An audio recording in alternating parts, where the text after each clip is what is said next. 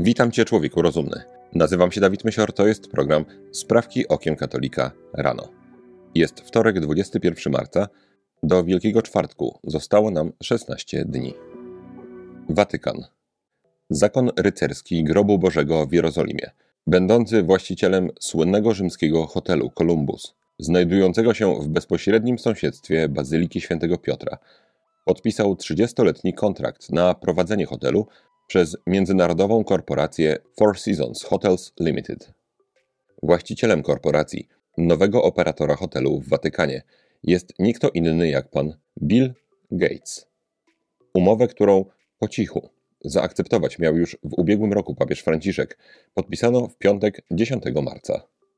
Firma Four Seasons Hotels słynie ze swojego radykalnego wsparcia dla środowisk homoseksualnych. Przede wszystkim w Stanach Zjednoczonych i Meksyku, w lokalnych oddziałach hotelu hucznie obchodzono tzw. Tak miesiące dumy.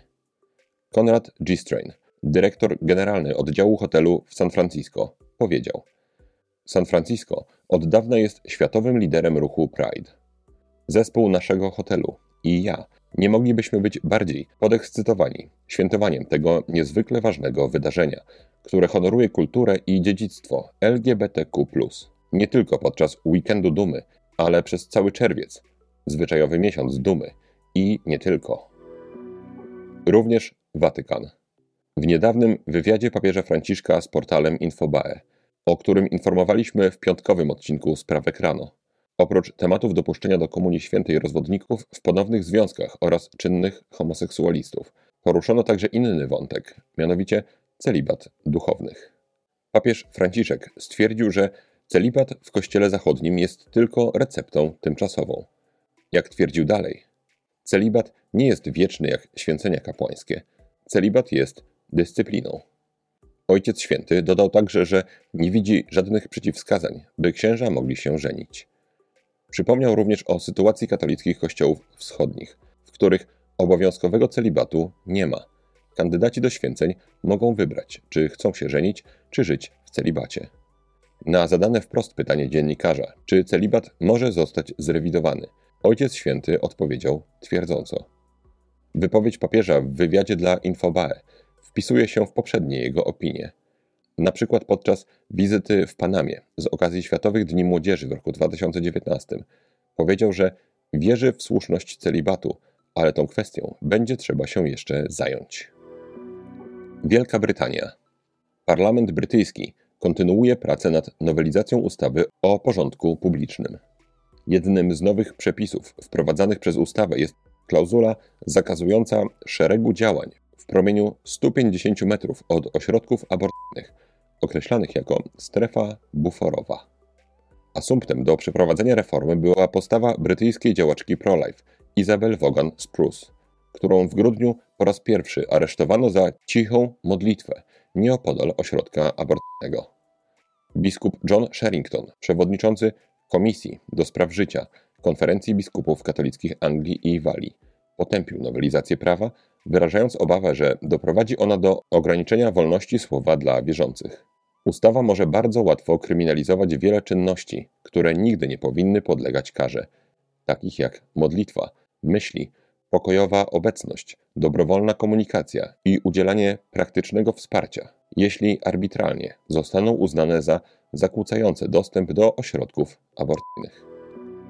Stany Zjednoczone. Kongresmen Jim Banks, republikanin ze stanu Indiana, oskarżył prezydenta USA Joe Bidena o wykorzystywanie administracji państwa, by atakować żołnierzy sił zbrojnych USA, którzy nie przyjęli szczepionki przeciw COVID-19.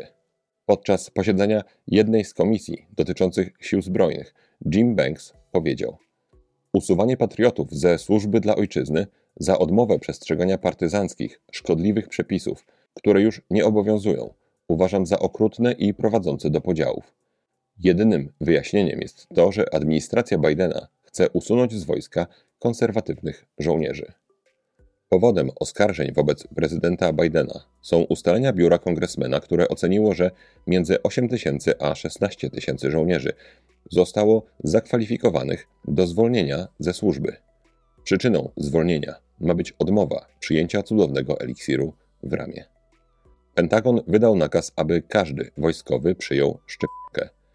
Usuwanie niezaszczepionych wojskowych ma być narzędziem do oczyszczania wojska, gdyż bardziej skłonni do są żołnierze konserwatywni. Według raportu kongresmena, stworzonego m.in. na podstawie danych rządowych, 37 tysięcy żołnierzy ubiegało się o zwolnienie z obowiązku szczepienia z powodów religijnych i tylko 400 wniosków zostało zatwierdzonych. Ponownie Stany Zjednoczone. Spencer Cox, republikański gubernator stanu Utah, na początku marca zadeklarował, że zamierza podpisać stanową ustawę, zgodnie z którą aborcja mogłaby być wykonywana jedynie w szpitalach, a nie w tzw. Tak wyspecjalizowanych klinikach, dla których nie wydawano by już nowych licencji. Prawo to byłoby co prawda łagodniejsze niż w Stanach, które bezpośrednio aborcji zakazują. Jednak perspektywa jego wprowadzenia wywołała obawy wśród przedsiębiorców zajmujących się zawodowym zabijaniem dzieci.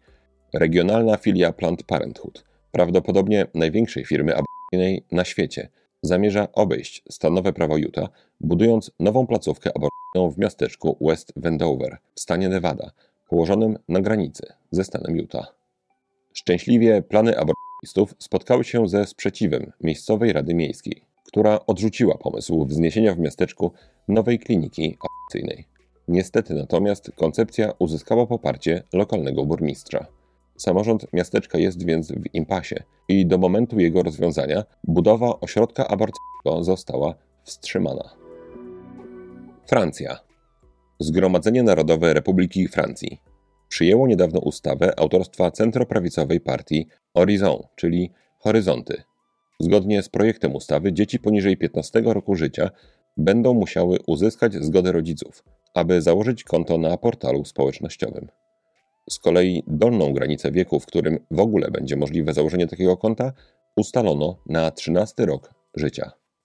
Celem ustawy ma być ochrona dzieci, głównie w sferze zdrowia psychicznego, przed ogromnymi szkodami wyrządzonymi dzieciom w mediach społecznościowych. Laurent Marcangeli, deputowany Zgromadzenia Narodowego z partii Horizon, jest zdania, że wprowadzenie tego rozwiązania do francuskiego prawa byłoby konkretnym krokiem naprzód w ograniczeniu cyberprzemocy wśród młodzieży. O zagrożeniach dla dzieci i młodzieży w sieci wypowiedział się także minister do spraw transformacji cyfrowej Jean-Noël Barrot, który stwierdził, że 2 miliony dzieci każdego miesiąca narażonych jest na kontakt z treściami pornograficznymi, a milion uczniów pada ofiarą cyberprzemocy. Projekt zostanie w najbliższym czasie poddany pod głosowanie w Senacie.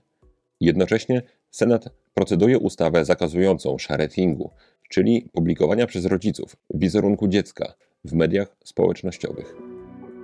Kanada. Rada Miasta Calgary w prowincji Alberta w Kanadzie stosunkiem głosów 10 do 5 uchwaliła w minionym tygodniu w trybie przyspieszonym i pomijając konsultacje społeczne nowe zarządzenie zakazujące protestowania przeciwko wydarzeniom z udziałem drag queen lub innym wydarzeniom związanym z ideologią LGBT, które odbywają się w obiektach miejskich. Nowelizacja prawa oznacza, że zaniepokojonym rodzicom i duchownym sprzeciwiającym się imprezom LGBTQ i inne literki w budynkach użyteczności publicznej zakaże się wszelkich protestów w 100-metrowej strefie buforowej wokół miejskich centrów rekreacyjnych i bibliotek. Za złamanie nowych zasad grozi kara do 10 tysięcy dolarów kanadyjskich oraz nawet rok więzienia. Nagła zmiana przepisów prawdopodobnie została spowodowana niedawnym aresztowaniem pastora Dereka Reimera, którego uwięziono za protest przeciwko wydarzeniu z udziałem drag queen podczas imprezy dla dzieci w bibliotece publicznej. Polska. W minionym tygodniu polskie media obiegła informacja o skazaniu działaczki akcyjnej Justyny Wydrzyńskiej za pomocnictwo w aborcji. Z tego powodu, z pomocą polskich lewicowych parlamentarzystów, zorganizowano w środę konferencję prasową z udziałem proakcyjnych działaczek, które deklarowały, że dalej będą pomagać w jak to same nazywają przerywaniu ciąży. Konferencja prasowa miała odbyć się w Sejmie, przy stolikach dziennikarskich. Strażnicy Straży Miejskiej nie wpuścili jednak aktywistek, co spotkało się z protestem parlamentarzystów lewicowych organizujących wydarzenie. w związku z wydawaniem przepustek dla uczestników briefingu zrobiło się zamieszanie, w wyniku którego konferencja musiała odbyć się w innym miejscu. Poseł Katarzyna Kotula wyraziła oburzenie brakiem możliwości zabrania głosu w polskim Sejmie przez aktywistki aborcyjne i jednocześnie wsparła skazaną działaczkę. Pani poseł powiedziała: Justyna Wydrzyńska i dziewczyny z aborcyjnego Dream Teamu czy z Aborcji Bez Granic nie zostały dopuszczone do stolików dziennikarskich, gdzie była umówiona konferencja prasowa. Wydaje się, że dzisiaj Zjednoczona Prawica najbardziej boi się kobiet, kobiet odważnych, które pomagają innym kobietom, kobiet z otwartą przyłbicą, mówiących otwarcie, że niezależnie od tego politycznego wyroku będą kobietom pomagały. Nie mamy wątpliwości, że ten wyrok był polityczny. Minister Zbigniew Ziobro i jego prokuratura, jak się wydaje, chcą dzisiaj pogrozić palcem tym kobietom, które pomagają innym kobietom. Ostatnia sprawka to krótka rozprawka. Dzisiaj bardzo krótko chciałbym omówić główne techniki, które stosuje lewica w dyskursie publicznym. Trik pierwszy: prowokuj i płacz. Trik polega na tym, żeby tak długo prowokować środowiska konserwatywne, na przykład wprost obrażając ich wartości, niszcząc coś dla nich świętego, aż ktoś co bardziej krewki wreszcie ich jakoś ukaże, zwyzywa czy da w zęby. I wtedy lewicowcy będą mogli rozpocząć lament. W relacjonowaniu danej sprawy pominą zawsze początki, przyczyny, swoje własne prowokacje, a pokażą tylko, jak ktoś konserwatywny ich krzywdzi. To jest pierwszy ich trik: prowokuj i płacz. Trik drugi: prowokowanie ludzi do zachowań, które mają potwierdzić tezę początkową lewicy. Na przykład, lewica twierdzi, że osób LGBT ktoś nienawidzi. Nie są w stanie łatwo znaleźć osób, które ich nienawidzą, więc finansowane najczęściej przez Zachód środowiska LGBTQ i inne literki rozpoczynają działania niszczenia świętości.